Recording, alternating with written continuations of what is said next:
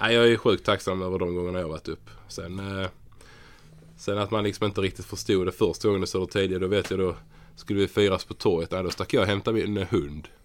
Det är bara det är ju helt sjukt liksom. Jag fattar liksom inte hur stort det var. Nej, det är en parentes i det hela. Nej, men någon, eh, snart är eh, råttet mogat alltså. Persson! Lägger på blå för loppen, kommer skjuta, fintar skott, spelar pucken höger istället, Davidsson skjuter, man lever över returen! Skottläge kommer där! Kan jag få låna micken? I mål! Hur skjuter karln? Hur skjuter han? Jag kan bara säga att det där är inget skott faktiskt Lasse. Det där är någonting annat. Det där är liksom, han skickar på den där pucken så jag nästan tycker synd om pucken. Den grinar när han drar till den. Utan Fröbo var målvakt! Kan jag få låna micken? Kolla! Poff! En allvarligt talat Leif Boork håller på med hockey i 600 år. Kan jag få låna micken? SHL-podden från Nordic Bet är här. Det är avsnitt eh, nummer 9. Jag som pratar heter Mårten Bergman och eh, det är speciellt eh, idag. Det är lite testing, testing här. Vi har ju varit tre stycken förut när NordicBet kollega Joakim Österberg satt bredvid mig och pratade i samma mick i Leksand. Men nu är det någon som sitter bredvid André Brändheden som jag ska börja med att säga hej till. Hej André! Tjena, tjena Mårten. Tjena. Och eh, bredvid dig så har ju du, och det är det som gör det speciellt, nu är det inte liksom en NordicBet-kollega, utan det är en aktiv SHL-spelare, Kristoffer Liljevall. Välkommen till SHL-podden. Tack så hemskt mycket. Eh, du är ju med för att du har heavy shit på André som du tänkte droppa, har jag hört. Ja, bland annat det. Eh, där finns en hel del i den eh, kistan, det måste jag säga. Om du får eh, minnas, eh, tillåter dig att titta så långt bak i tiden, hur minns du eh, André som spelare? Ja, det är väl en av de mest självkritiska spelare jag har spelat med. Eh, bland annat så har jag varit med om eh, på bänken när han i princip har frågat tränaren att eh, kan du inte bänka mig, jag är så jävla dålig. Så det, det är lite det stuket på honom, men det är en fantastiskt härlig personlighet och eh, någonting som också jag kommer ihåg det är, det är hans lagskott i powerplay på, på vänstersidan där, eh, där han tryckt in många, många puckar. Så eh, eh, listan kan göras lång men eh, i slutändan så, så tror jag ändå att det var en av de spelare i laget som spred mest glädje. Eh, och inte bara för att han har fantastiskt rolig humor utan eh, hans sätt att eh, agera i vissa lägen. Till exempel. Nej men det var ju som jag sa innan att han, eh, han kan prata lite med sig själv ibland och sitta och svära och eh, de grejerna som kommer ur hans mun just då det, det är helt fantastiska grejer. Bland annat att skulle någon göra ett snyggt mål eller, eller så, så, så kan man höra i ledet när man står eh, Oj oj oj gottepåse. eh, så det är lite sådana såna roliga eh, kommentarer han slänger in och då, då kommer man ju knappt fram när man själv ska köra sen på övningen för man skrattar så mycket. Så, så det är en riktig sköning jag sitter här bredvid.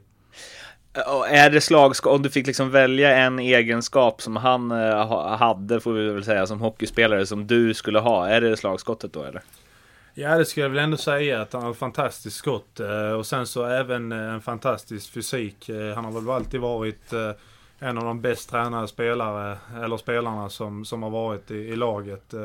Och framförallt så har han även en talang utanför isen, att han är väldigt professionell och seriös. Eh, och eh, det har kanske också gjort att han, eh, han har ett sådant bra skott som han har. För han, han använder hela, hela kraften i sin kropp när han skjuter. Och, för det mesta så gjorde det, gjorde det väldigt bra resultat, eller blev väldigt bra resultat på, på isen när han använde det. Eh, han kanske skulle använt det än mer till och med. Eh, men eh, de hade ju ett fruktat powerplay eh, med Jackie Johansson och André och eh, även Kenny i spetsen där. Och jag tror eh, innan de ens hade kommit in på isen att eh, motståndarna drömde mardrömmar om det. Eh, för det, det var eh, oerhört fruktat.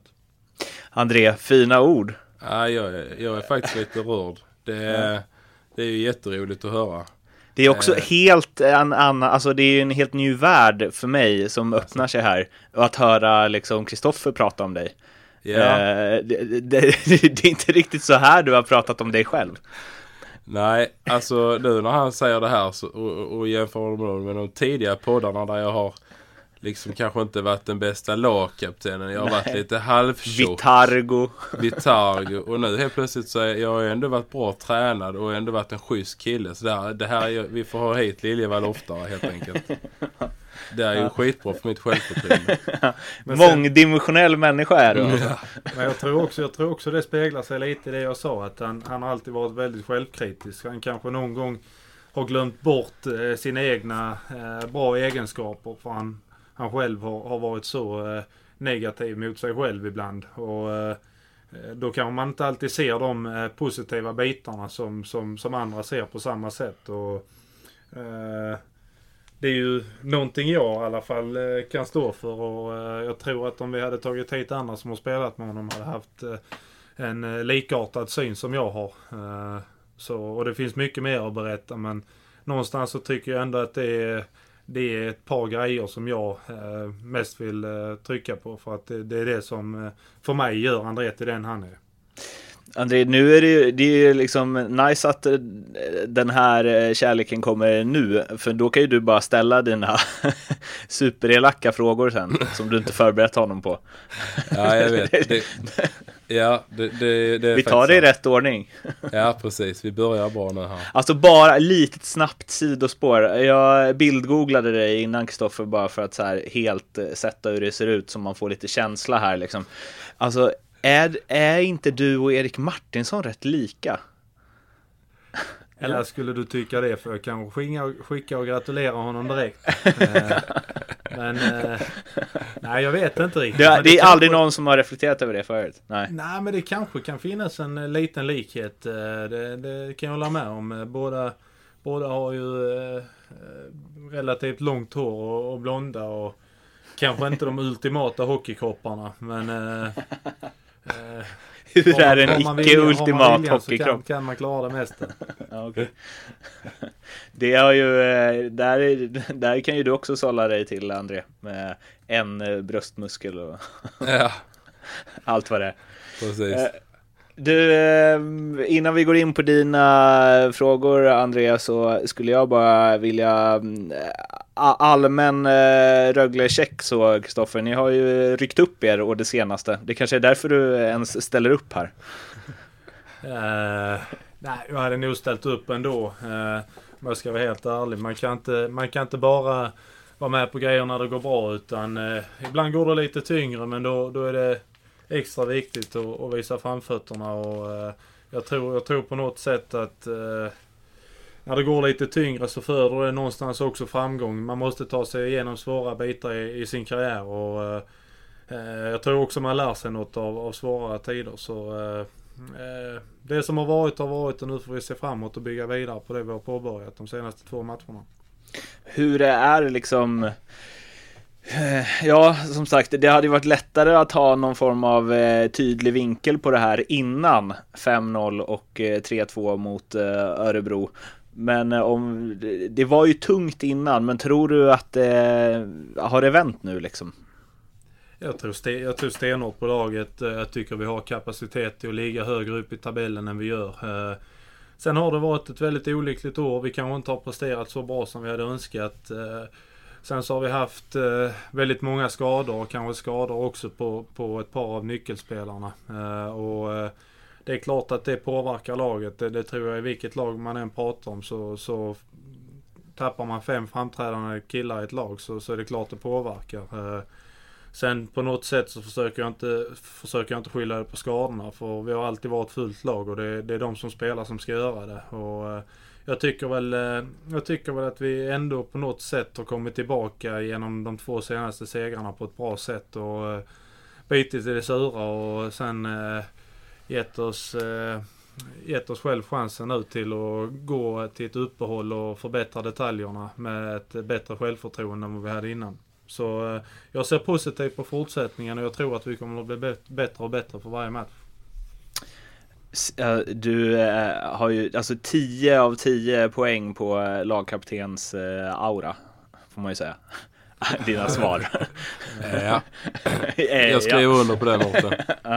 Eh, André, om vi hoppar till dig då och ställer samma, innan du ställer dina frågor så ställer vi jag samma fråga till dig. Hur minns du Kristoffer som spelare när du spelade med honom? Och du kan liksom få orda på det du sett från läktaren också.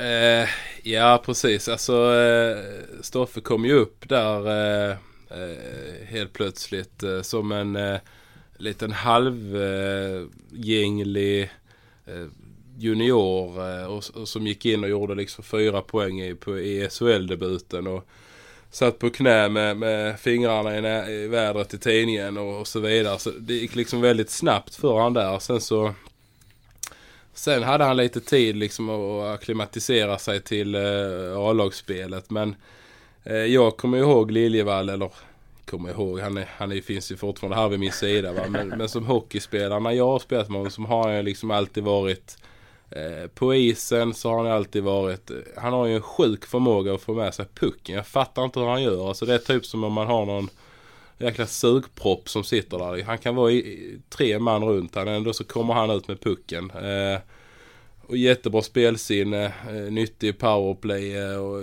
vågar ju hålla i pucken framförallt och, eh, och lever mycket på det. Han har ju aldrig varit liksom den, den snabbaste skridskoåkaren.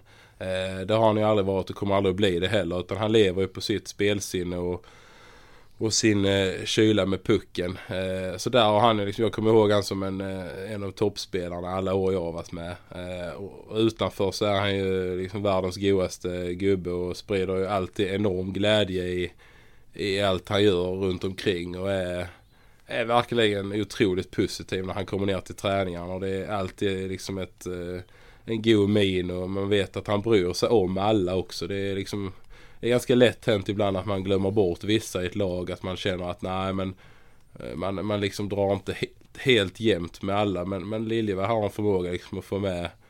Det är jävligt svårt att tycka illa om han. Så kan jag väl säga. Man blir ju, alltså, eh, när ni pratar om varandra så känner jag ju bara att jag inte borde sitta över Skype utan att Nej. man liksom vill vara hos Du er. skulle varit med här i den här kärleksstunden Mårten. Alltså det är nästan så att man, vi borde liksom auktionera ut det här i Musikhjälpen eller någonting. Ja.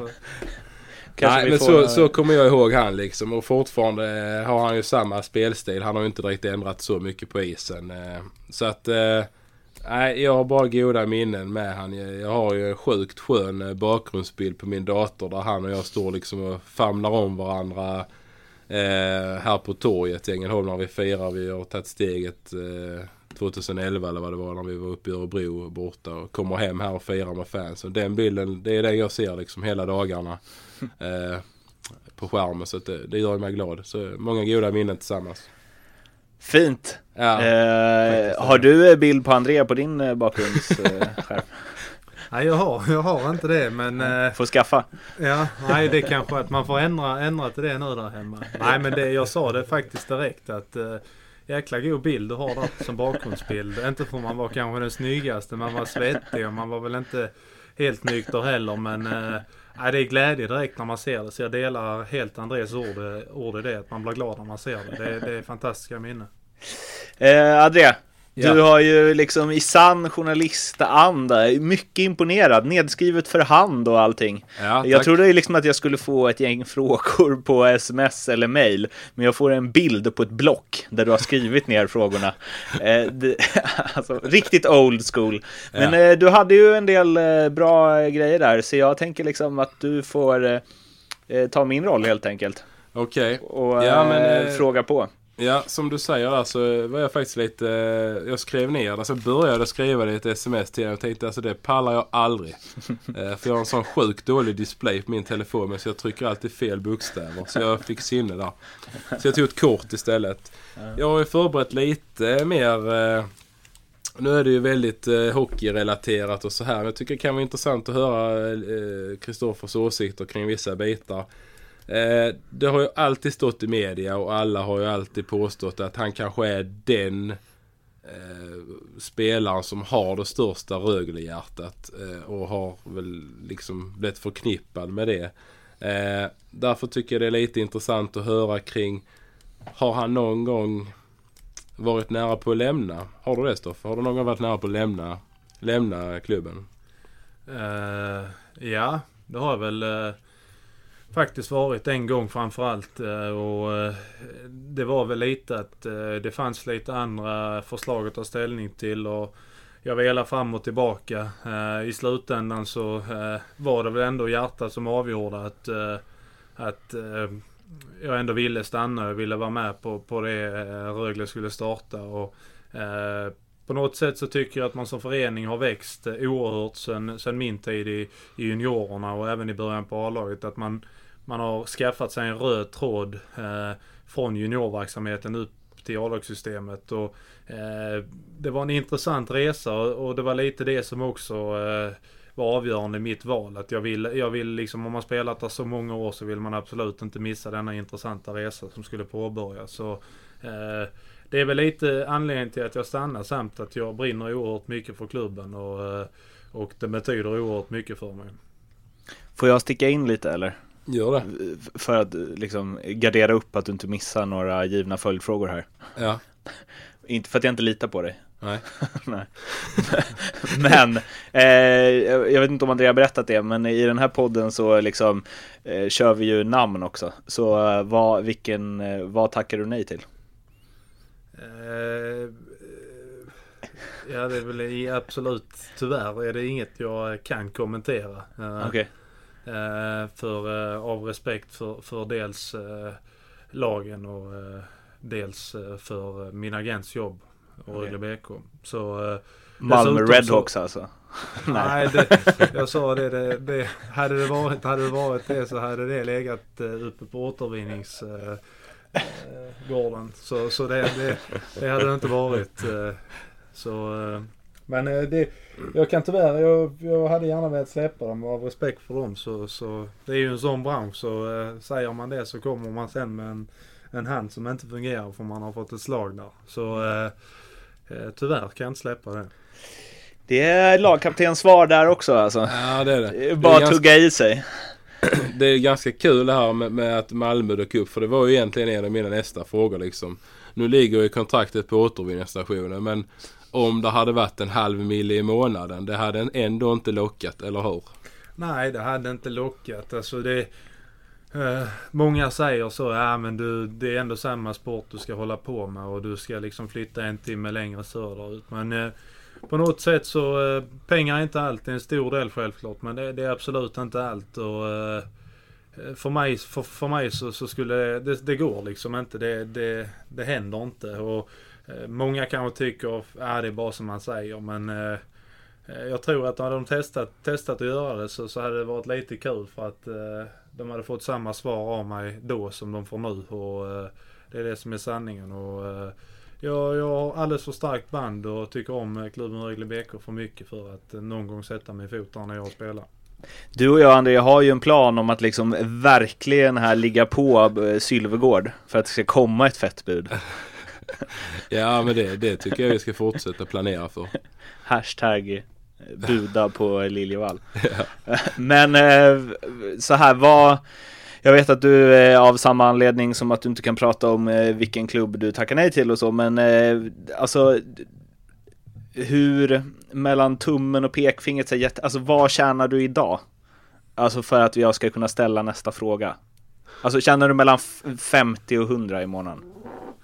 Det är, ju, det, det är också en, en fråga som, som absolut inte kommer svaras på. eh, Okej, väl- vi antar att du gör det då. Vi har, Ja, vi liksom det- har det- det kan- riktigt, vi har riktigt stor eh, felmarginal, alltså mellan 50 och 100 i månaden säger vi att du tjänar. Och då hade liksom MIF, jag vill ändå nysta lite där, MIF hade liksom dunkat in Linus Klasen mycket pengar. Alltså 6 miljoner om året. Ah, Du menar att du hade sagt nej till det? Det menar jag att jag hade sagt nej till år. 110 procent. Absolut. Just nu önskar jag att du hade suttit här i detta rummet så du kunde kollat mig i ögonen när du ställde Ja. frågan. Eh, För eh, jag vet inte hur jag ska bli mer trovärdig men eh, André han skrattar men jag tror också att han vet att det är sant. Jag hade inte tackat ja till det utan som sagt, jag, just nu har man ett kontrakt som, som jag är nöjd med och i slutändan så, så tror jag tror jag inte jag blir lyckligare med de pengarna på, på kontot utan jag tror att eh, jag blir lyckligare med, med ett eh, samvete som jag själv står ut med och eh, att jag är laglojal mot, mot Rögle BK som klubb. Och, eh, jag vet att det är folk som har gått emellan innan och eh, jag, fortfarande, jag är fortfarande jättebra kompis med dem och pratar jättemycket. Så det handlar, det handlar inte alls på något sätt om övergången i sig utan jag har full förståelse för att folk eh, väljer den vägen. Eh, men eh, för egen del så, så hoppas jag att folk har förståelse för att inte jag skulle sätta min fot där också. Jag vet, jag, jag, vi har ju haft nu, uppe eller? detta i tidigare på det här Stoffe. Du kan du har lyssnat på allt vad jag har sagt tidigare. Men Hallå. jag har ju fått frågan tidigare om vem som jag inte tror skulle kunna gå till Malmö. Då har jag ju haft ditt namn uppe direkt. Så att jag, jag, eh, jag vet ju lite var du står. Eh, definitivt, det gör jag. Sen var det ganska roligt det här också med eh, om ni hörde något ljud från någon stol så var det när Mårten frågade Liljevall om lönen.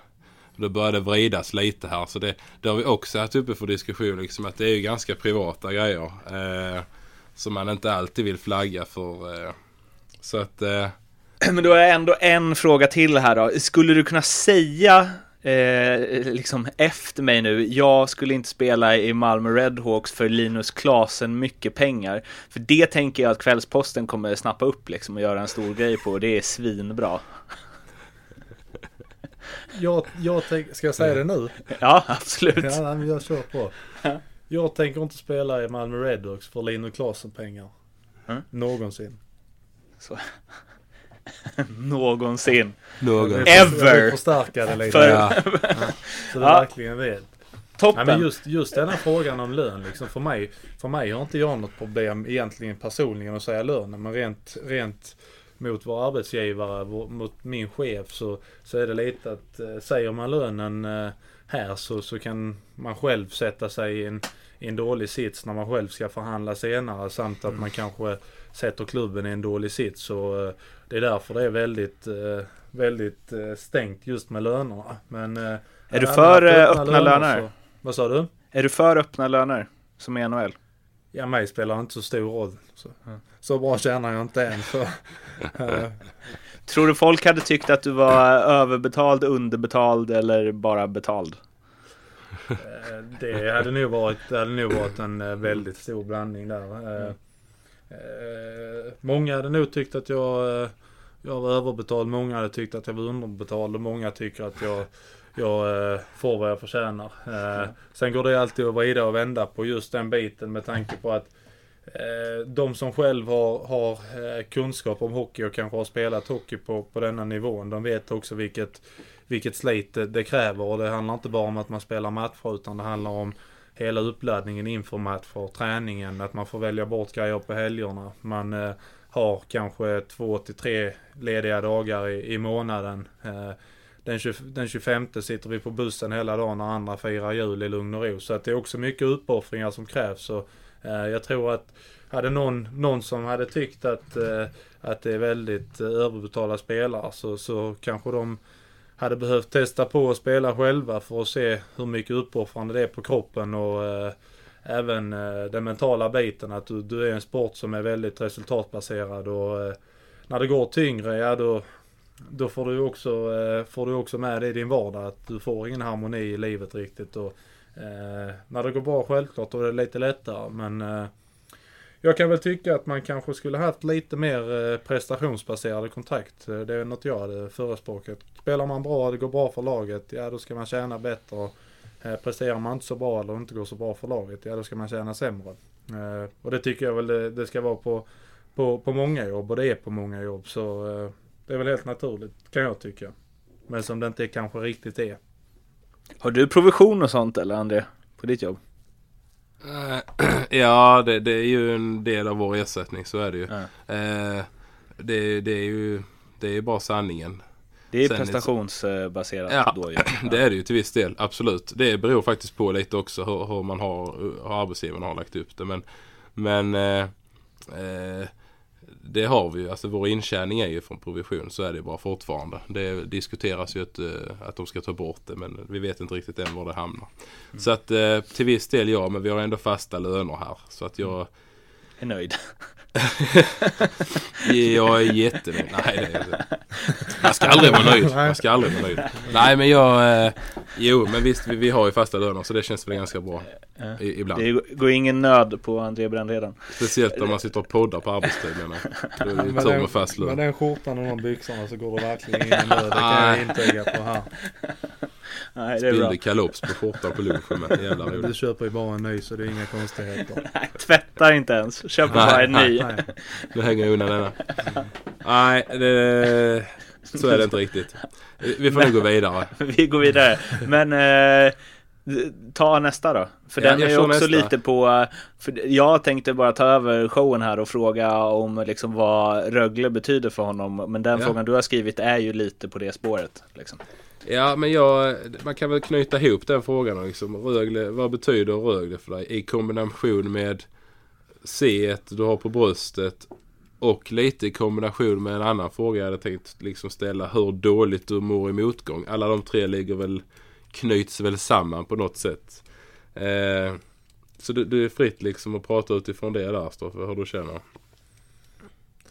Ja, eh, nej men Rögle som klubb eh, har ju varit med mig sedan jag var väldigt liten. Jag började när jag spelade i, i Björnligan. Jag eh, fick lag som eh, Toronto och New York Islanders eh, och eh, kanske därför också Islanders har blivit mitt favoritlag senare. Eh, också med tanke på Kenny Jönsson. Men, men Rögle BK har varit med mig hela tiden. Det har, det har varit en stor del i, i min uppväxt. Och, eh, på något sätt så har banden blivit starkare för varje, varje gång man har äntrat isen. Eh, och sen så tycker jag också som, som kanske är skillnaden från många andra klubbar att Ängelholm är inte den största staden och eh, det betyder väldigt mycket för många, eh, Rögle. Och eh, det är något jag gillar att folk, eh, folk eh, bryr sig. Jag är själv en sån person att eh, jag vill att alla ska må bra. Jag vill att, eh, att eh, jag vill sprida glädje. Jag vill ge glädje. Och eh, när man vinner matcher så vet jag att jag ger glädje till många. Inte bara till eh, mina lagkamrater och, eh,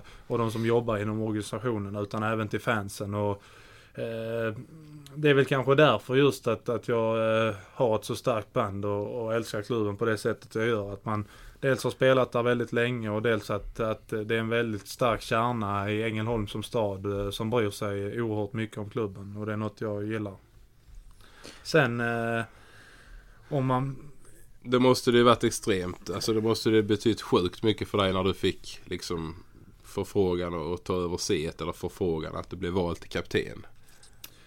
Ja. Du, du måste ju blivit jäkligt rörd liksom. Ja, jag blev nu, absolut tänker äh, jätte, jätterörd. Och eh, just att få eh, se ett i klubben där man har spelat i över 20 år. Det, det är, dels är det en jättestor ära eh, och det är ett C jag alltid kommer att bära med stolthet. Eh, oavsett om det, om det går tyngre eller om det går bra. Eh, det, jag kommer alltid vara mig själv och det var väl lite det de sa när jag, när jag fick eh, förfrågan om att bli kapten. Att eh, du blir vald för den du är. Du blir inte vald för någon du ska bli. Utan du ska fortsätta på samma sätt. Eh, vara lojal mot eh, dina kamrater. Eh, bidra med en eh, bra inställning och jobba hårt. Och, eh, jag har försökt eh, fortsätta precis på det sättet jag har varit. Och självklart var det en liten omställning till en början med, med alla journalister och så. Men det är något man lär sig. Och, Eh, varje dag som går så är det en möjlighet att bli bättre. Och, eh, både på ishockey men även på, på den eh, sociala, sociala biten. Så eh, det, det är jätteära jag bär det sätt med. Och vad var det sista? Hur dåligt eh, du mår alltså i hänger, Ja precis, det hänger egentligen ihop. Jag, jag vet ju hur dåligt Kristoffer mår när, när det går. Alltså, vissa mår dåligt när det går dåligt. Andra mår ju jättedåligt när det går dåligt. Och, och Stoffer har alltid varit en sån. Men det berättar han lite här. Det är ju det är för att han är så engagerad och bryr sig så mycket om eh, Är föreningen. det sömnlösa nätter liksom? Ja det, det, det kan man väl säga till, till, till viss del att det är. Det, det är väl att jag, jag har väl själv jobbat mycket, mycket med mig själv. Jag, jag är själv, själv som, eh, som person också självkritisk. Jag, jag vrider och vänder på situationer i matcherna som jag kunde gjort annorlunda. Att jag borde gjort mål där och då hade det inte blivit att vi hade förlorat. Och jag skulle gjort det istället. Jag skulle inte tappat pucken där och jag skulle tacklat honom där. Du, listan kan göras lång eh, och i slutändan så kommer man kanske inte fram till något vettigt. Eh, det enda man kollar på eller det enda man gör det är att man kollar på klockan och ser att oj, klockan är redan fyra. Eh, var dessa tre timmarna har tagit vägen? Utan då är det att man ligger och funderar och vrider och vänder på alla tankar. Och sen jag skaffade tjej så, så har väl den biten blivit bättre. Att hon är ett starkt stöd till mig och får mig på något sätt att kunna eh, avlastas med, med tänkandet från hockeyn lite med att prata om annat. Och, eh, hon dömer, dömer inte mig för om jag har varit eh, bra på isen eller dålig på isen. Utan hon, hon behandlar mig på samma sätt ändå. Det är rätt så skönt eh, när man kommer hem. Hur, eh, jag har två frågor på det här. Hur mycket gör det dig till en bättre hockeyspelare att du eh, älskar klubben du spelar för så mycket kontra hur mycket det kan göra dig till en sämre hockeyspelare också för att du just bryr dig så sjukt mycket och liksom bär mer än bara att eh, spela hockey för en eh, random klubb. Ja, Det är faktiskt en väldigt bra fråga och det är en, det är en fråga jag själv har ställt mig ett par gånger innan. Och, eh, jag har inte kommit fram till något riktigt, eh, riktigt rätt svar där utan eh, ja, jag är väl lite så att eh, ja, jag bryr mig väldigt mycket och det, det kan ibland bli lite av en eh, belastning för mig själv att man bryr sig för mycket så det låser sig ännu mer på, på, på isen. Men just nu på senare tid så, så har jag väl lärt mig att hantera det på ett bättre sätt. Att jag, jag bryr mig oerhört mycket fortfarande men på något sätt så, så måste man ändå försöka hitta andra vägar att gå och sen så se en ny möjlighet i nästa match. Och, eh, eh när man kommer hem eh, som singel och är själv då, då blir det lätt att du kollar rätt upp i taket eller kollar i väggen. Men nu när du kommer hem och har någon att prata med och kanske eh, blir avlastad lite i ditt tänkande och så och pratar om något annat så, så gör det det lite lättare. Eh, Så att eh, jag har väl haft en period i min karriär där jag har brytt mig alldeles eh, för mycket. Och eh, då har det bara låst sig ännu mer. Så nu, försöker jag hitta en bättre balans i det. Att man bryr sig men sen dagen efter när man kommer till träning så får man se framåt, rätta till de grejerna man har gjort fel och sen se en möjlighet att bli bättre och, och vinna nästa match. Och hur känd är du i Ängelholm? Uh, nej, det vet jag faktiskt inte riktigt. Det är en svår fråga att svara på själv liksom. Jag, André, hur känd Ja. är han i Ängelholm? Nej, Jag skulle säga att han är ju, han är ju känd i Ängelholm. Absolut. Är han Ängelholms kändaste? Eh, men han är nog topp tre alltså. Kenny Jönsson Ja, Kenny är ju givetvis, eh, ja, Jill Johnson. Och... Nej, men, Det är de tre alltså? nej, men jag tror alltså det är ju lite, jag, jag tror absolut att han är bland de mest kända. Och det är väl egentligen alla hockeyspelarna i Ängelholm. Alltså det, det har alltid varit så. Jag vet de gjorde ett reportage om Peter Forsberg när han spelade i Philadelphia. För då gick de runt på stan med så här en bild på honom och sen så var det på en bild på eh, jag var quarterbacken i NFL-laget i Philadelphia och sen en bild på jag vet inte vem är den mest kända i baseball? Pitchen? Finns det något som heter så? Nej, ah, Eh, skitsamma. Den mest kända i, baseballlaget. Så frågade de eh, 10 pers eh, om de kände igen vilka det var på bilderna. Och då var det eh, tre av tio som kände igen Peter Forsberg, sju av tio som kände igen quarterbacken och tio av tio som kände igen baseballspelaren. ja. För att liksom så här hur, stor, eh, hur stora sporterna är i förhållande till varandra. Om eh, vi k- knatar runt med en bild på eh, Kristoffer Liljevall i Ängelholm, hur många av tio sätter vem det är? jag, jag tror på eh, Nio minst va? ah, åtta eller nio av tio. va? Håller du med? nej, det vet jag inte. Jag, jag, får, jag, får, jag får ju nya smällar i huvudet varje år så mitt utseende förändras mycket. Så, nej, jag skulle väl säga kanske två av tio. Eh, tror jag. Eh, Och, och resterande åtta säger Erik Martinsson. Ja. Nej, det, det, det, de kan ju säga, de kan ju säga vad som helst. Okej, Eller- ja, eller- ödmjukt.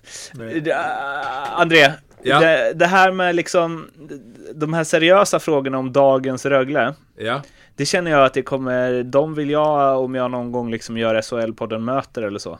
ja, Tänker jag, det, det, och det kommer ta för lång tid också. ja jag vet. Så jag, Jag med tycker att du hoppar till eh, din mellanrubrik eh, som heter historia. Ja. Och bränner av dem istället. Ja, det, det är lite historia. Ja, ja, det är väl lite kombinerat. Jag har ju redan luftat det lite innan angående din SHL-debut. Det var ju ganska speciell. Du kan väl berätta lite mer om den? Var där vill man roligt. mer alltså.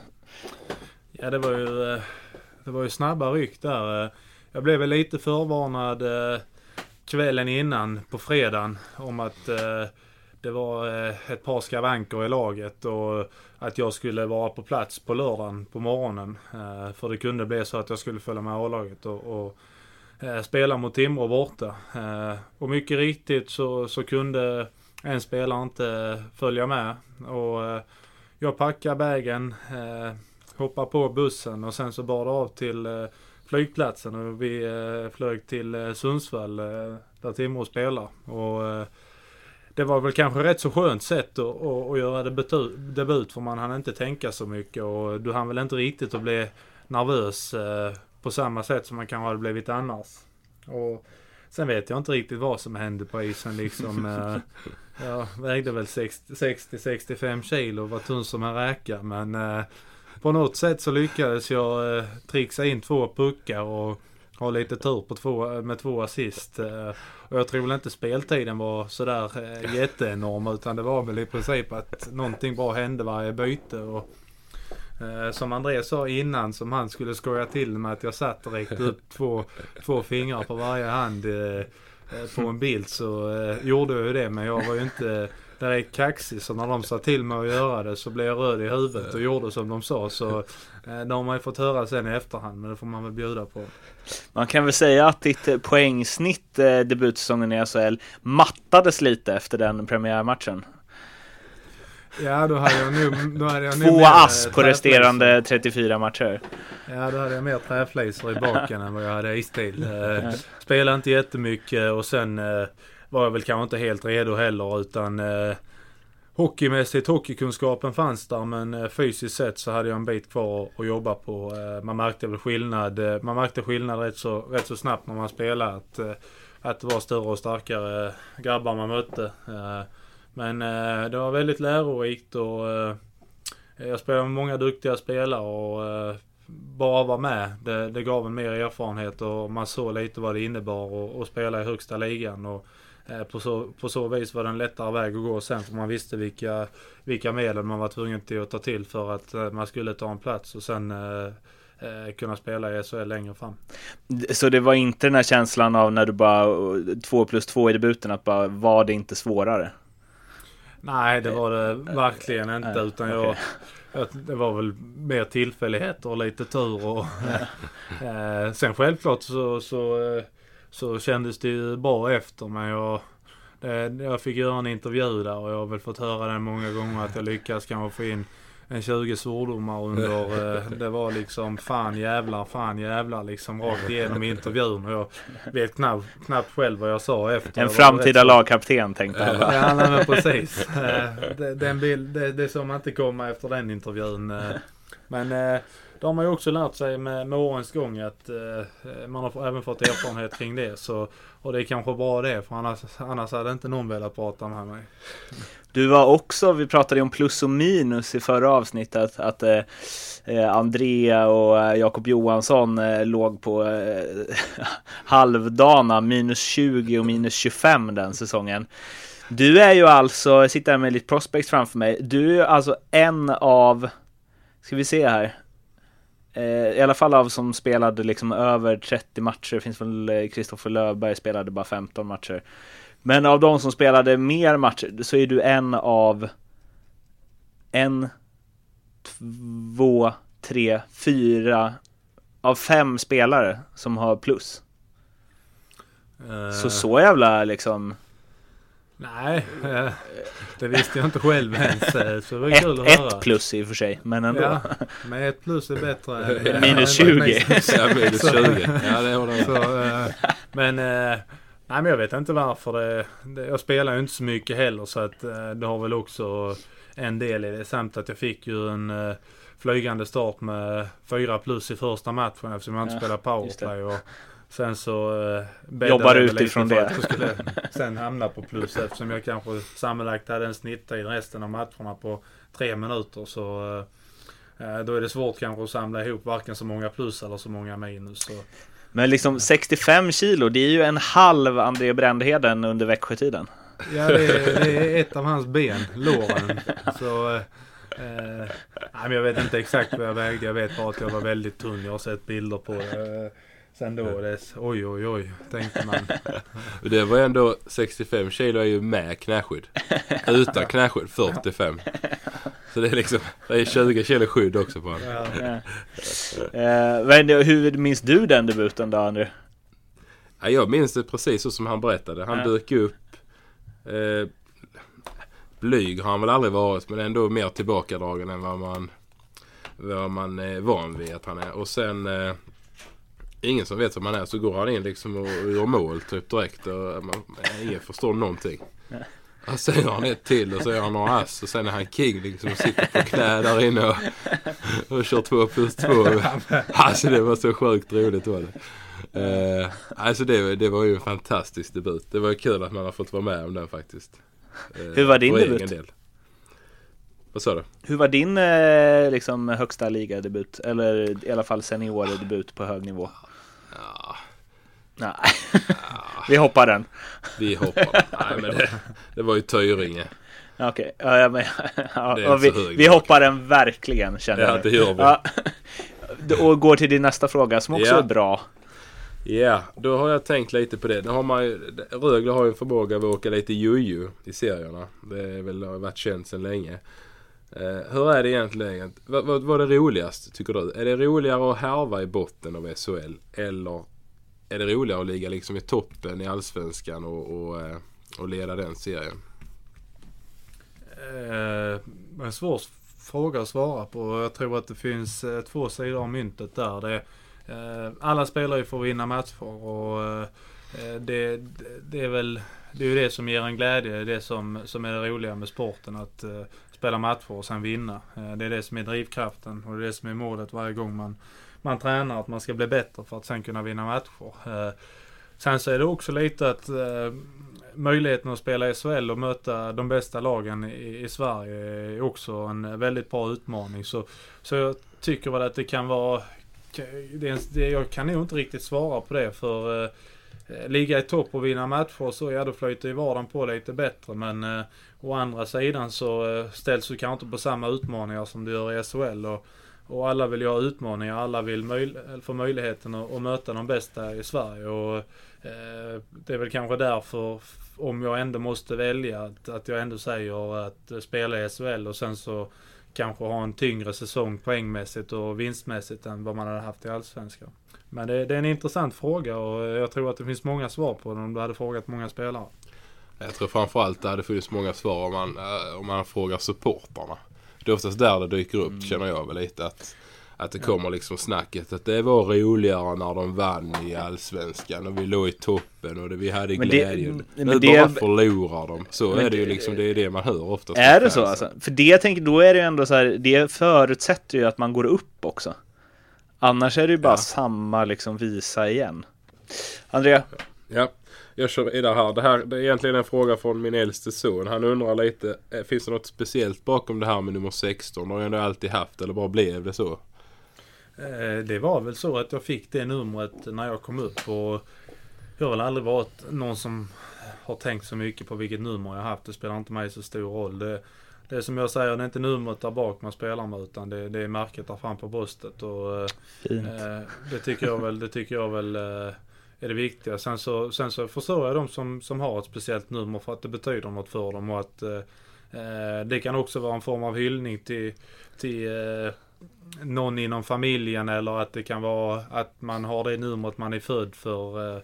Eh, att man känner en styrka i det. Så, så det har jag full förståelse för. Men för mig, för mig spelar det inte så stor roll utan det, eh, det är viktigare med, med det man har på bröstet. Andrea, din Ja. eh, 65 är det för Liljevalls premiärvikt? nej, det är för pensionsåldern.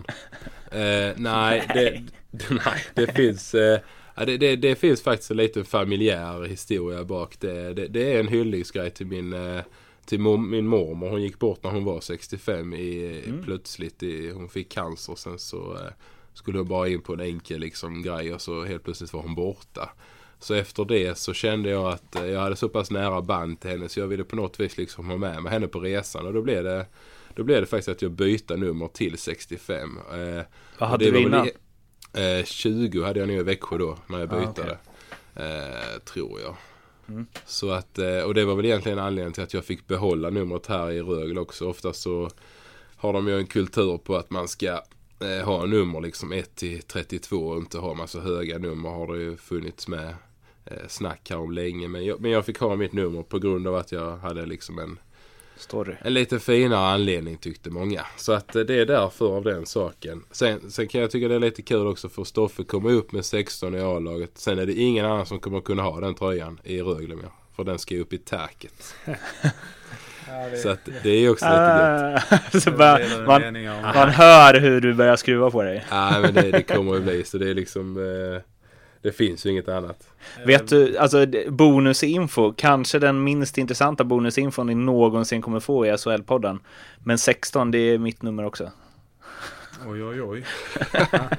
då, är det då, då kan jag köra med det nästa gång någon frågar mig varför har du 16? Det, är- det är en hyllning till, till Mårten. Mm. Ja, Så men- jävla bra Ja, det podd. Det är en hyllning till Mårten. Det är en personlig grej mellan oss. Ja, men det är det jag menar liksom som att jag, jag tror som, som André sa här att eh, just att han har 65, det, jag tror någonstans så, så eh, alla vill inte berätta varför man har numret för det ger en inre styrka att man har det och att det, det kan vara något personligt som bara, som bara eh, personen i fråga eller de, de närmsta eh, vet varför man har. Men eh, det får man också respektera. För mig, eh, för mig blev det som det blev och eh, Eh, Det funkar bra med 16. Det hade nog funkat bra med något annat nummer om jag hade fått det också. Så att jag tycker det är jättefint gjort eh, av André och jag tror att eh, han eh, är väldigt stolt när han sätter på sig den tröjan och har 65 på ryggen. Så, eh, så eh, och jag tror även många andra har sådana anledningar. Det är ett snyggt nummer också förutom att det är en bra story. Det passar en hårdskjutande rightare. Ja, ja faktiskt. Snyggt nummer till snygga killar. Nej, exakt, exakt. Nummer efter Gammalt hockeyordspråk. Jag, jag går vidare Kä- Kämpa här. på. Jag kämpar på. Största ögonblicket som hockeyspelare so far. Det största ögonblicket, alltså det, det, det är ju helt klart eh, någon av gångerna när vi när vi gick upp i, i högsta ligan, eh, elitserien som det hette innan och SHL som det heter nu. Eh, och eh, vilken av gångerna, det, det kan jag inte riktigt eh, välja. Men jag, men jag tycker också ett stort minne, det var på sättet man gick upp. Man har inte själv spelat utan jag stod på läktaren och hejade på, hejade på bland annat André och, de andra grabbarna när, när man vände eh, eller när man avgjorde mot Mora sent och man gick upp på det sättet. Det var en, eh, det var en kokande gryta och eh, eh, jag tror att eh, det, den stämningen den, den, den är svår att, att sätta, sätta ord på. Det, alla stod upp och man, man, hörde inte, man hörde inte någonting egentligen utan alla bara vrålade och, och, och så. Så det är också en grej. Men det är helt klart någon av de tre gångerna som vi gick upp. Eh, Västerås, Örebro och Mora hemma. Ja, Är det värt att åka ur för att få gå upp? Är glädjen Nej. över att gå upp större än besvikelsen över att åka ur? Ja, det är det. Ja, det, det, Det skulle jag säga. Ja, det, nu, ja. ja jag, jag jag, jag grät som en treåring när vi åkte ur så att, eh, att eh, jag vet inte, för, för mig, alltså glädjen är stor men det på något sätt är det också en lättnad när man går upp att man har lyckats med, lyckats efter en lång säsong, eh, en intensiv säsong att tillsammans med, med, en, med en oerhört fantastiskt skön grupp lyckas med ett sådant mål. Det, det, det är en lättnad, det är glädje, det är liksom allting bara släpper.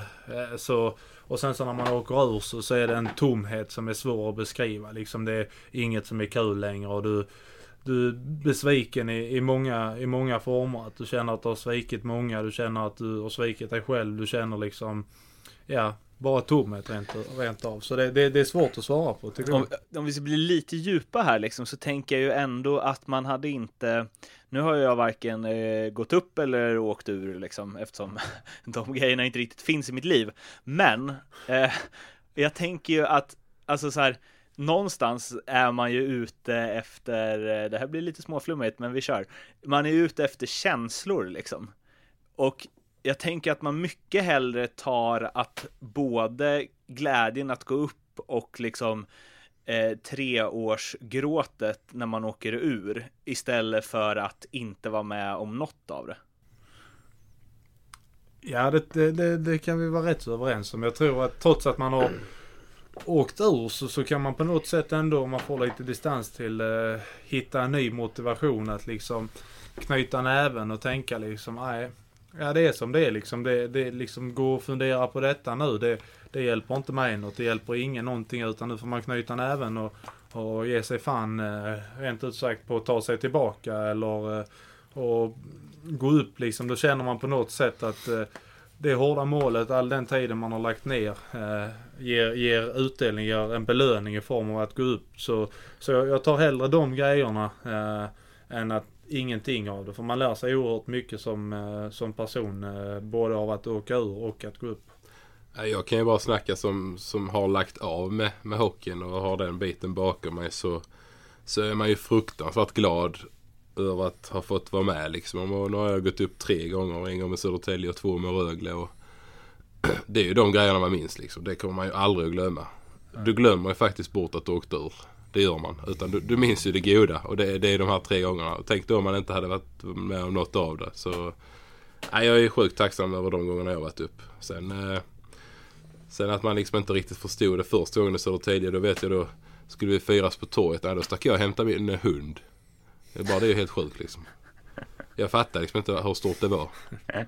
Nej, det är en parentes i det hela. Det är lite komiskt. Riktigt parentes. Det är helt sjukt. Det, de kanske tar den rubriken istället.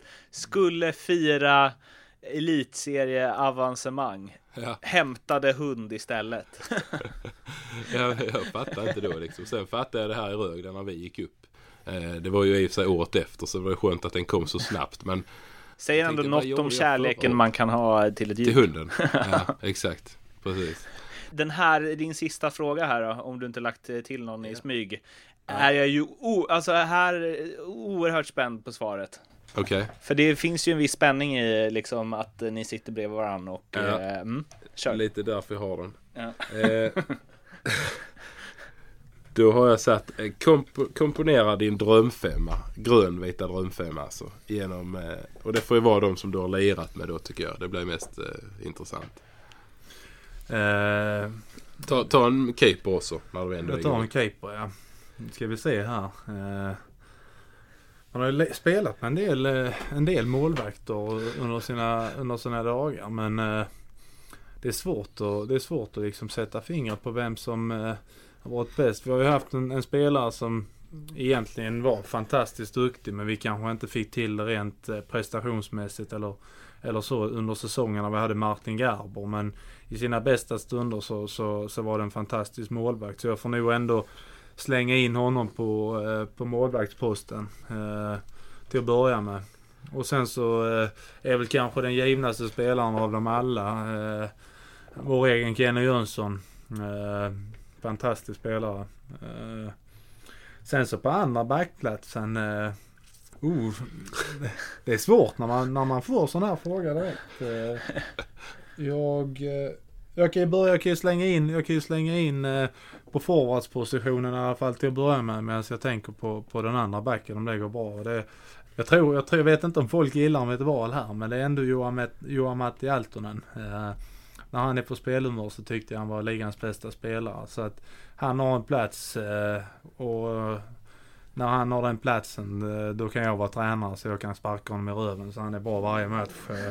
Men eh, Det var si och så med eh, inställningen där ibland va? Ja, men när han väl hade inställning så var det ju en helt fantastisk spelare. Eh, Så det var, det var lite synd. Det var lite synd att det blev så att han var bra. Riktigt bra var femte match. Han skulle varit bra varje match för då tror jag att det hade kunnat blivit en lite roligare säsong. Han tjänade ju tio gånger mer än vad André gjorde. Har André berättat. Ja, Och det Bittert. var han värd. ja jag tror Ja, han Fast hade, du sa ju att han inte riktigt var värd det. Nej, jag, tror, jag tror han hade 500 lakan i månaden. Så att, eh, Då tjänar han ju mer än tio gånger mer än mig. mm, sitt inte här och var bitter nu. Du har det rätt så gott nu också med skjortan. Det, det är så, du har ju tagit igen det nu men liksom, och kan skämta om det, men det är ju ändå det är ju sjukt att han tjänar lika mycket på en månad som du drog in på en hel säsong. Ja, Alltså- jo, men det, ja. Jämför du det så så är det ju lite sjukt, absolut. Ja, det är väldigt sjukt. Vi har ju, sen har vi olika nivåer på vårt artisteri i och för sig. Va? Men, men till viss del kanske han hade kunnat kvalificera in sig som överbetald också. Kan jag väl lite tycka. Men ja, Ja. han var ju värd eh, viss del av den där summan. Absolut. Eh, och sen Då har vi alltså tre platser kvar att fylla. tre platser kvar. Ja, Eh, jag tar också... Det kan, ju vara, det kan ju vara så att man kommer på sen i efterhand. Men jag, jag, ska, ändå, Ja. jag ska ändå sätta ihop en, en femma som eh, jag tycker... Eh, egentligen vill jag inte ta 26an eh, för eh, Jakob Johansson för då kommer han väl sträcka på sig allt för mycket. Men eh, jag har alltid gillat hans stil. Han har varit en smart center. Så eh, jag slänger in honom där på sidan. Eh, eller på mitten.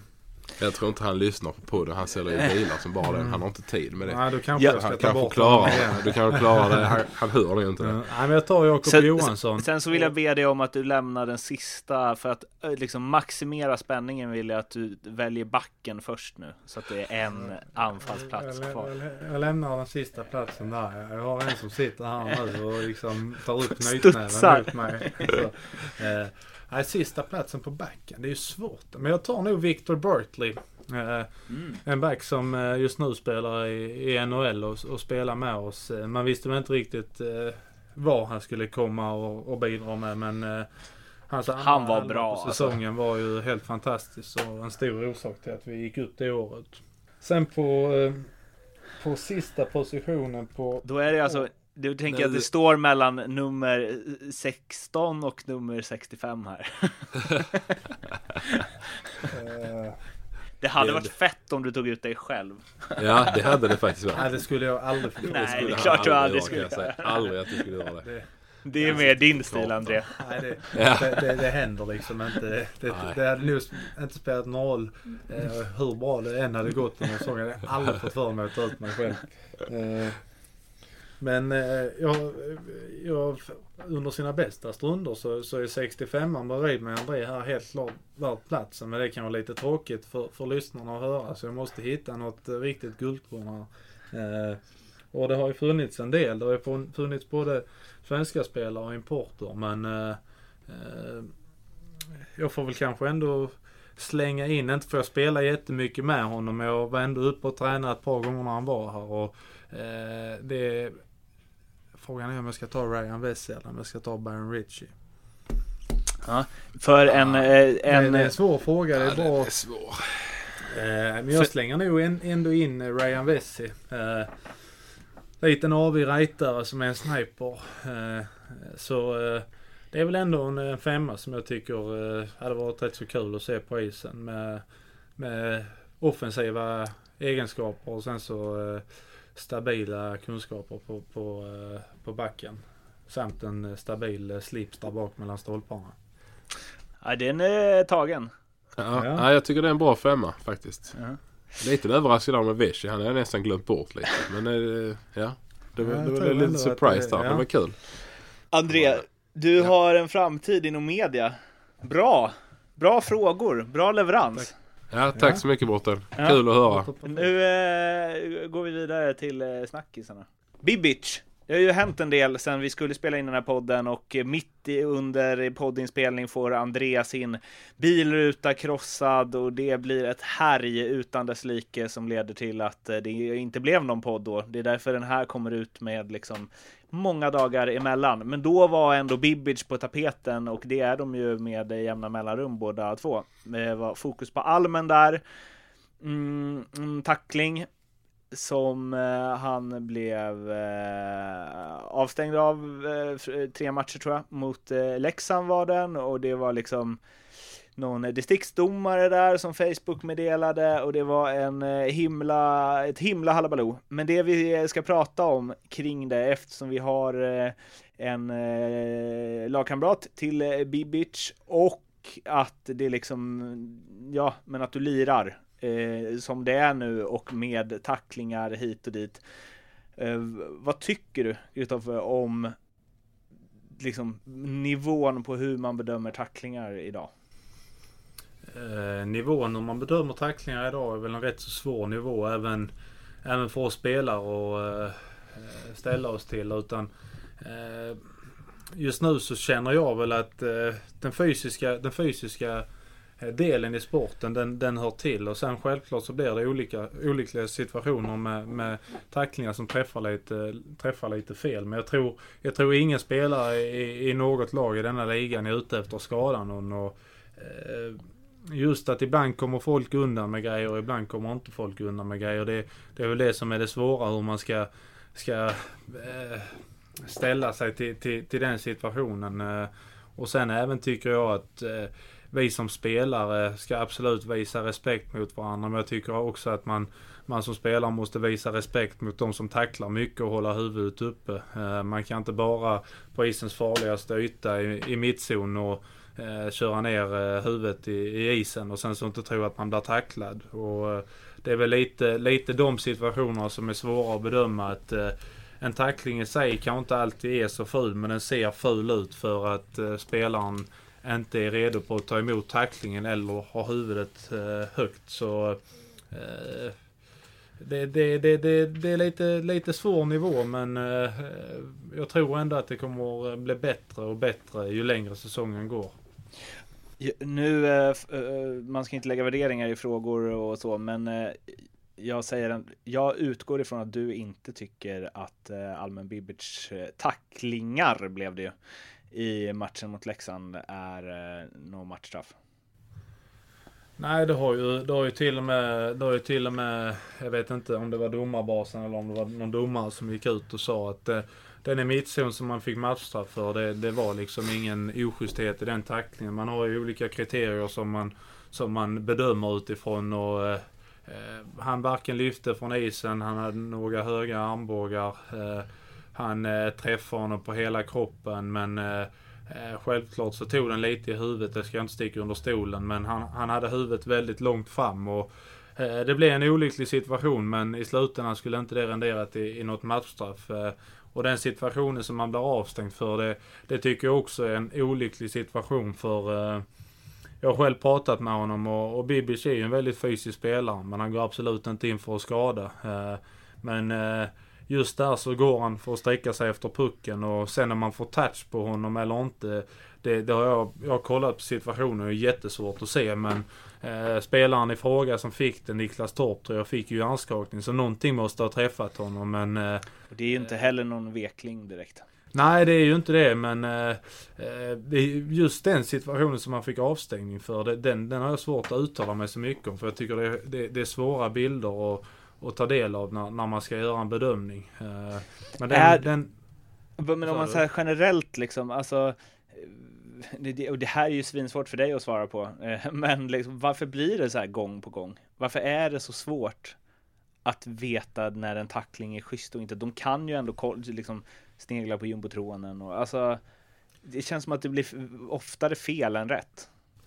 Ja, eh, jag kan väl hålla med dig lite där och då har man ändå gjort lite ändringar i eh, att man ska få gå in och kolla på, på, på TVn eh, om det är en situation som man inte är säker på så ska man få ta del av, av bilder så att man kan se reprisen så att man tar rätt beslut på plats för att lagen i fråga ska bli rätt bedömda. Och det har de väl gjort ett par gånger men Eh, eh jag tror också att, att eh, det är svårt för domare i vissa fall eftersom eh, Eh, när det blir eh, blodvirke och, det blir skada så även, även om inte tacklingen i sig är ful så, så ska det ändå rendera i ett matchstraff. Och det är väl just där som, som det är svårt för eh, även en schysst tackling kan, kan ju orsaka en skada eller en smäll som gör att man måste bryta matchen eller få, lite, få lite sjukvård. och hur, hur gör man den bedömningen? Ska man gå efter Ska man gå efter bestämmelsen att man ska ta ut spelaren trots att det inte är något fel på tacklingen för, för den andra spelaren blir skadad? Eller ska man låta han vara kvar på isen medan deras spelare eh, får gå av isen? Det, det, det, är inte det lättaste för domarna heller alltid. Utan jag, jag, tycker det är en fråga som är jättebra att man diskuterar. Och man, man måste ju komma helt klart till bukt med problemet. För eh, just, eh, just dessa bedömningarna som är så olika hela tiden. Det, det är svårt för alla att, eh, att få rätt på det om man inte har eh, Eh, bättre riktlinjer att gå efter. Jag är så otroligt kluven i det där alltså, för det, det, är klart att spelare, vi har ju pratat om det här lite förut i podden, att jag är ju lite så här, mm, vissa spelare kanske inte är så varsamma i alla fall. De kanske inte går in för att skada, men de kanske inte gör allt för att inte skada heller. Eftersom det är ganska återkommande vilka som liksom eh, får avstängningar och så. Men eh, det, det blir ju också någonstans Ehm, jag vet inte, han tacklas ju mest, eh, Almen tacklas ju mest i hela SHL eh, med råge tror jag. Och någon gång blir det ju, alltså man kan ju alltid argumentera för att han kan undvika det. För att han kan svänga undan. Han behöver inte trycka till där. Men det blir också någonstans att man tar bort vad hockey är då. Ja, det, det är ju det som är det är det som är det svåra just, just för en sån spelare som, eh, som Alme som du säger. Han är en väldigt fysisk spelare. Eh, han, för, för, för tillfället så leder han tacklingsligan, eh, tror jag, i rätt så storartad stil.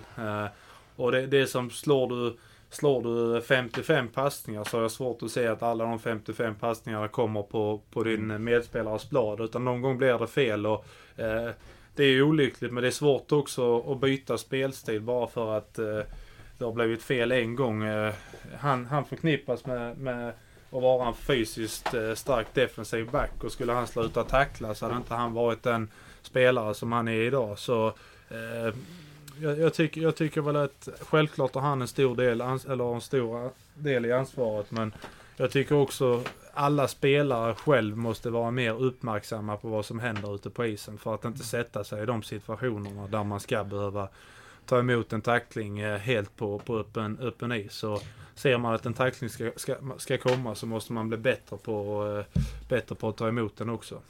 Eh, en, en sista fråga om det här. Du som lagkapten lite, för jag har tänkt på eh, Almen är ju en profil, båda brorsorna där är ju det. Och eh, Eh, ja, men han har ju ändå liksom eh, ordat på rätt rejält på Twitter för att kanske försvara sig själv i det här och pratat ganska mycket om det och tagit andra exempel och det var väl senast i morse som han eh, dunkade upp något från NHL liksom och skrev hade det där hänt i SHL hade det blivit liksom en säsongsavstängning och där borta blir det inte ens en tvåa. att han liksom, jag vet inte, tar striden där istället för att bara Ja, för det, det, det, bidrar ju till att det får massa uppmärksamhet och jag tänker att det inte gynnar honom i längden. Även om han har rätt i det han skriver.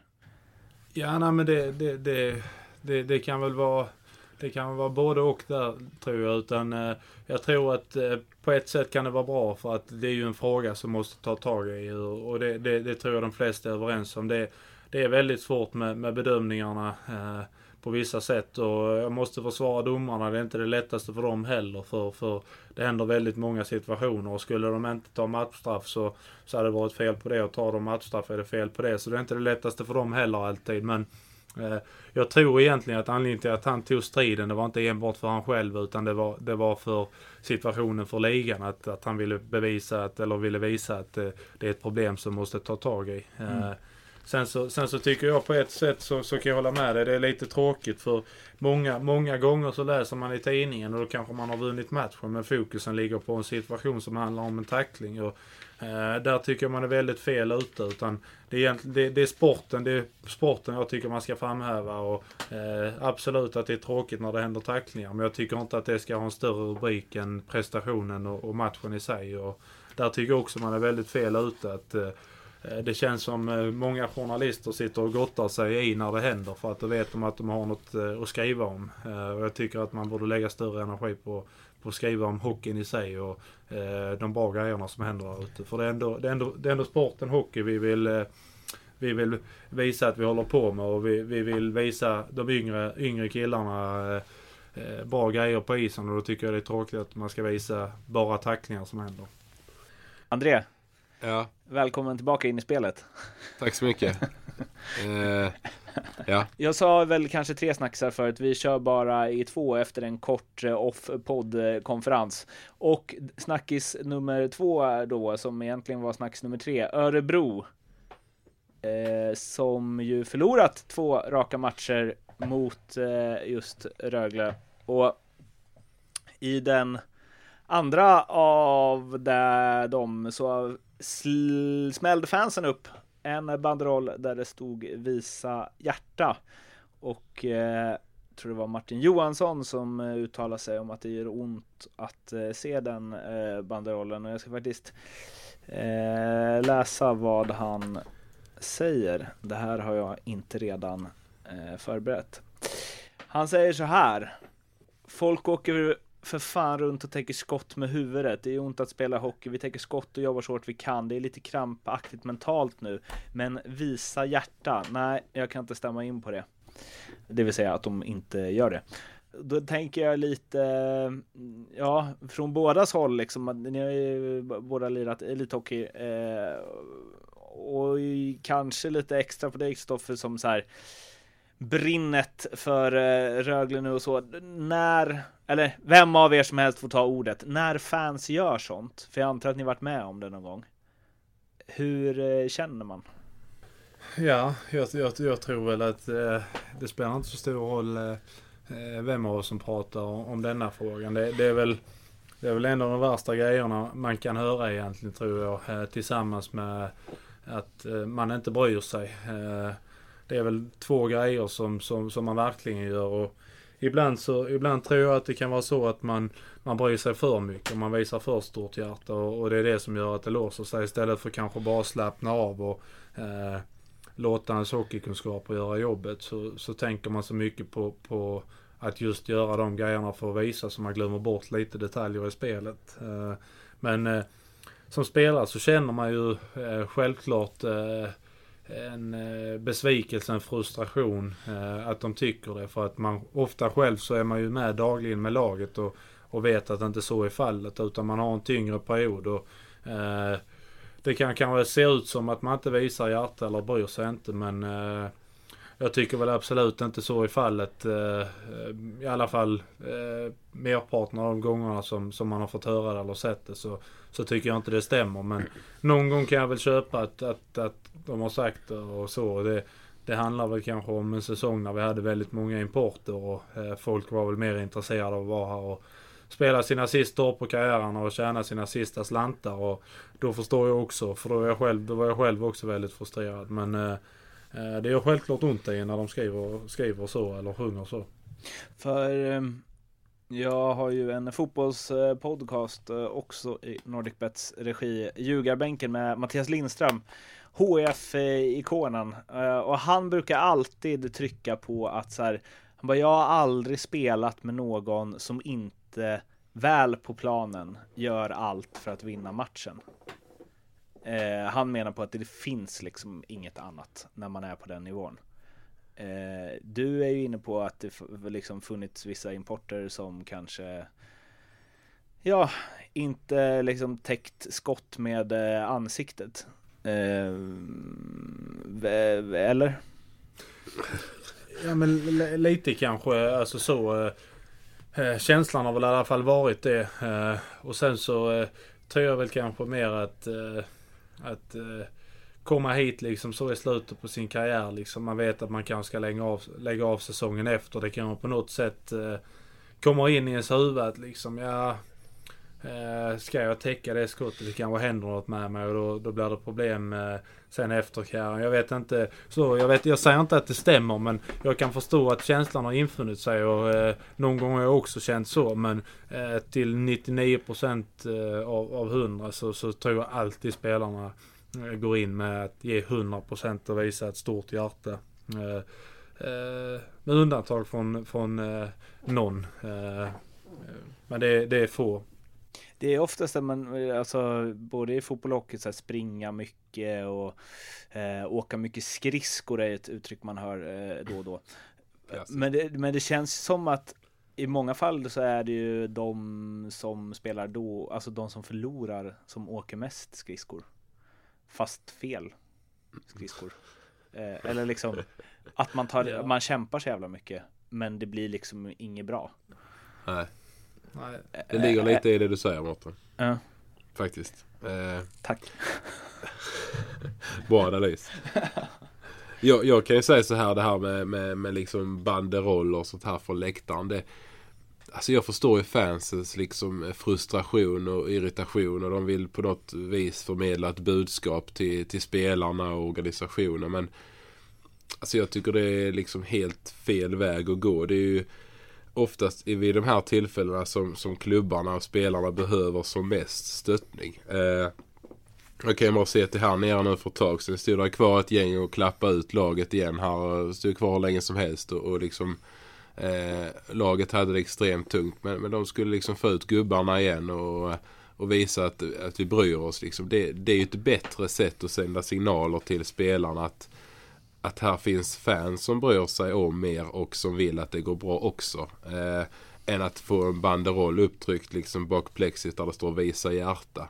Eh, jag tror bara det, liksom, det, det är väldigt enkelt för dem att bara kladda på det på en vit, eh, ett vitt lakan och tycka det är jätteroligt att nu ska de börja visa hjärta. Men det, jag tror inte det biter alls lika mycket som den, den skjutsen man får av att fans verkligen bryr sig på riktigt sätt. Så att eh, ah, jag, jag förstår liksom eh, Johanssons kommentar lite där. Det är ju ofta så att alla visar hjärta, så är det ju. Eh, så det är ju, ja, det blir, jag tycker det blir lite skevt när, när fansen gör så faktiskt. Hur var det att spela mot eh, Örebro? Eh, det var jättekul och eh, jag kan, kan bara instämma på det André sa. Jag, jag måste passa på också nu när jag ändå sitter där och berömma våra fans som jag tycker är helt fantastiska. Eh, bland annat för det André sa att eh, vi hade förlorat matchen och man är väl inte jättesugen egentligen på på att åka ut på isen igen liksom för att man är så oerhört besviken, frustrerad, arg över att man har förlorat. Men Eh, på, ett, på något sätt så ger det, alltså inger det ändå ny energi. Man ser liksom att de är kvar och sjunger liksom. De tror på oss. Eh, och liksom de smittar av, smittar av sig på oss liksom. Ja, ut med huvudena. Det kommer fler matcher. Vi tror på er. Vi kommer stå kvar och stötta vått och torrt. Och, eh, när det går bra då, då flyter det ofta på av sig själv. Men när, när det är tyngre liksom, just att få den energin och den stöttningen. Det, det, det ger det där lilla extra. Så eh, all beröm till, till våra egna fans som jag tycker eh, har gjort ett fantastiskt jobb trots att vi kanske inte har presterat eller levererat eh, varken som vi eller de hade hoppats på än så länge. Men eh, mot Örebro eh, så, alltså eh, med fokus på Örebro då, då eftersom de har liksom kris. Det är, det är några lag som har lämnat över den här krisstafettpinnen. Först var det väl eh, Djurgården som släppte och Leksand eh, släppte ju inte sin på ett tag men till slut. Och sen så känns det som att ni har släppt den nu och nu är det Örebro som bär den i, in i juletid. Va, alltså fanns det någonting där, ni vann ju, alltså ni var ju superduper krislaget och bara dängde dit dem med 5-0. Ja, men jag, tror, jag tror väl att, jag tror väl att, eh, att vi, vi spelare liksom på något sätt eh, insåg att liksom, ja vi är där vi är.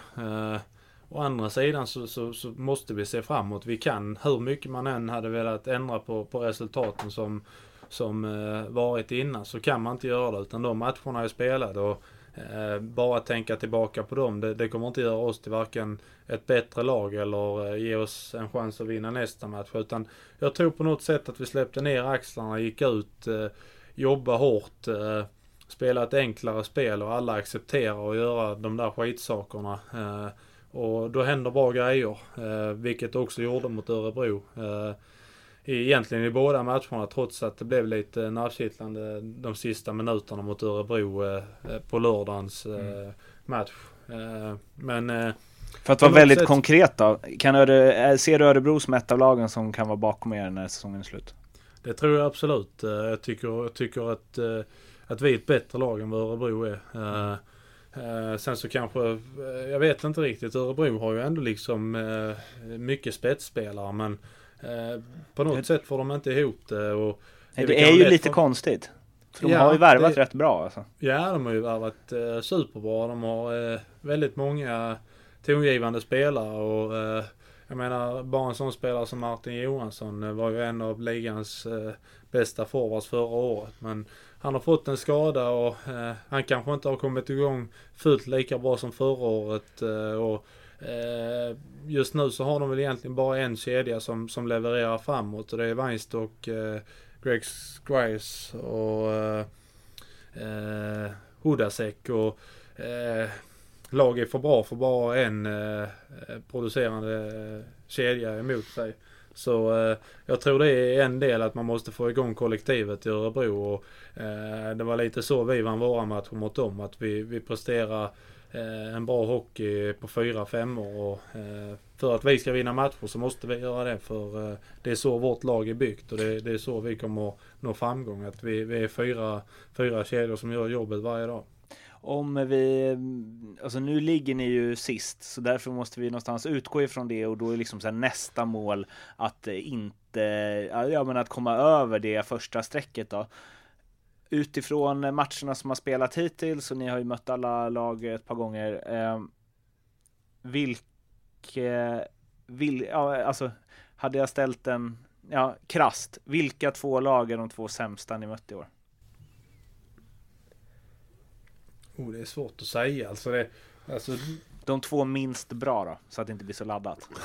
ja, nej, det spelar nog ingen roll. Alltså så, det, det, är mer att det är en svår fråga att svara på. För eh, Vissa lag har vi, har vi gjort bra matcher mot och eh, då gör vi också motståndaren dåliga. Och vissa har vi spelat jättedåligt mot men de har ändå lyckats vinna. Men eh, jag tror väl eh, ett av de, ett av de svagaste lagen eh, är, är nog ändå eh, Leksand trots att vi har förlorat mot dem två gånger. Vi kommer inte alls upp i, i prestation mot, eh, mot dem. Eh, samtidigt som eh, vi inte gjorde det så hade vi lite olyckliga domslut emot, emot oss i båda matcherna. Eh, sen får jag nog ändå säga Örebro också. Jag menar vi har mött dem tre gånger och vi har vunnit alla tre och jag tycker väl ändå att vi har rätt så haft haft eh, rätt så bra kontroll på de, de matcherna trots att vi eh, låg under första mot dem så, så kändes det ändå som att vi vände välförtjänt. Och, eh, nu sista matchen så, så blev det lite nervkittlande men det hade nog också lite med att göra att vi, det var en ovan sits för oss denna säsongen att leda med 3-0. Sen fick de 1-3 och eh, även 2-3 med, med, lite tid kvar. Och, eh, vi lyckades ändå vinna. Så det, det, är väl de två, två lagen i så fall om man måste välja. Eh, trots att det är två jätteduktiga duktiga lag vi pratar om. För att avsluta, det här hade jag inte med, men för att liksom, det, då har vi liksom kommit halvvägs. Om när resterande halva har spelats, om ni ska välja ut, det här är ordet fritt, om ni ska välja ut ett lag som ni tror kommer gå mycket uppåt i tabellen och ett som kommer gå mycket neråt i tabellen. Vilka två blir det då? Det är vi som går uppåt i tabellen. Det är jag helt övertygad om. Eh, jag tror stenhårt på oss. Det, det, eh, ja, det, är kanske, det är kanske enkelt att sitta och ta oss, men jag tror verkligen det. Eh, och sen tror, Örebro är ju redan rätt så långt ner, men jag tror att, jag tror att Luleå kommer, kommer tappa, tappa lite. André? Eh, nej men jag håller faktiskt med Kristoffer där. Eh, jag tror det blir rätt tight där uppe. Alltså lag 1 till 6, 7, 8 där. Det känns som att det kommer nog att vara hyfsat samma där. Sen, sen tror jag att Rögle kommer klättra upp ovanför strecket. Och jag tror att eh, Örebro och Leksand kommer att ramla ner nedanför. Och även att Luleå kommer att tappa också. Så att eh, jag är väl eh, egentligen med samma åsikt som eh, Stoffe. Det här med Luleå är intressant eftersom det var en snackis vi valde bort. Det får vi ta nästa vecka, men eh, där finns det ju mm, vi kanske ringer upp dig då, Kristoffer, så får du liksom lite Luleå-input från eh, distans. Vi måste ju förvarna då, för han, han, han är som en eramitkräfta ibland. Han kryper in i ett skal så får man liksom väldigt, tag Väldigt intressant, det var svårt, bara så här, när, han sa ju förut att eh, jag, jag hade ställt upp, det gäller att ställa upp även i motgång. Det var ju under den här tunga perioden som du inte fick tag i honom och sen direkt två vinster så svarade han. Eller? Då satt han på telefonen igen. på telefonen igen. Kling, kling, kling, kling. Bara plinga in massa bra sms och så vidare. Ja, det är en klassiker. Nej, men det är, det är väl faktiskt lite att man, den, den försvinner lite. Telefonen är sagt med att du, att att du inte vinner så mycket matcher så känns det inte som du får så mycket av att ha den på internet eller kolla meddelanden. För det är bara skit du får ändå. Så, sen när man har vunnit, ja det är som Andreas säger, då vågar man kolla på den igen. Så, du har aldrig gillat sms? Nej, jag, hat, jag hatar att använda telefonen och Du har varit faktiskt rätt så dålig på det alltid. Ja, alltid varit dålig. Ja. Jag, kan, kan bara, jag kan bara kolla på min mobil nu att jag har 27 olästa med som Ja. bara ligger. Eh, Jag kan bekräfta detta nu, som ni som inte ser. 140 1042 mejl. Ja. Så jag är, jag är inte någon jättefantast. Utan jag ser att de kommer och tänker jag läser sen. Sen glömmer jag bort det. Till och med till nej jag, nej, jag gitar inte. Så kommer jag på det kanske en vecka senare när jag måste gå och rensa. Fan han har ju fått, fått, försökt få tag i mig. Eh, Med, det- det- det- med den här informationen så måste jag ju säga att det var väldigt, eh, vi är väldigt glada att Ja. du har varit med i alla fall. Verkligen. Ja, nej, jag tackar jättemycket. Supertrevligt. Den, den, liksom den första, du har någonstans satt ribban här för liksom nästa gäst. Eh, vem nu det kan eh, tänkas bli. Patrik Sylvegård kanske. Ja. Eh, och sen kör vi ett gemensamt program med alla fyra då. då. Ja, ja. Ja. Vill ni lyssna på tidigare avsnitt av den här podcasten eh, det finns mycket guld där. Så är det som sagt SHL-podden på Acast eller iTunes. Och vill ni få tag i eh, oss så är det att SHL-podden på Twitter eller hashtag SHL-podden. Vill man twittra direkt till André så är det Brändheden65 och direkt till mig så är det Marten med TH Bergman. Eh, ingen siffra. Kanske ska lägga till 16 där efter. Eh, har eh, kapten Liljevall någon Twitter? Nej, just det, du drog nyss det, eh, om hur lite ingen intresserad du är av... Vad sa du? Du har inget internet? Nej. jo det har jag faktiskt. Men jag har ingen Instagram heller. Nej, jag är inget, eh, jag är inget eh, jättefenomen gällande internet och datorer och, och sådant. Det Men- till någon annan. Och om det är någon som känner sig manad att eh, klippa ut en bild på Kristoffer och gå runt i Ängelholm och göra en research, hur många av tio personer som vet vem han är, så applåderar vi det och kanske även kan eh, swisha en slant, en, en timlön som tack. Eller hur? Absolut. Absolut. Eh, Kristoffer, tusen tack för att du ville vara med. Tack själv. André, Ja. en, du har en fin eh, journalistkarriär framför dig. Känner det? Tack, det känns bra. Du- Eh, du- Köp Fast lön. fast Lite provision. Vi hörs igen Ja. Ja. om eh, en eh, vecka ish, lite förr tror jag. Eh, Ja. Tills dess, ha det fint allihopa så eh, ja, Hej då. Tja, hej då.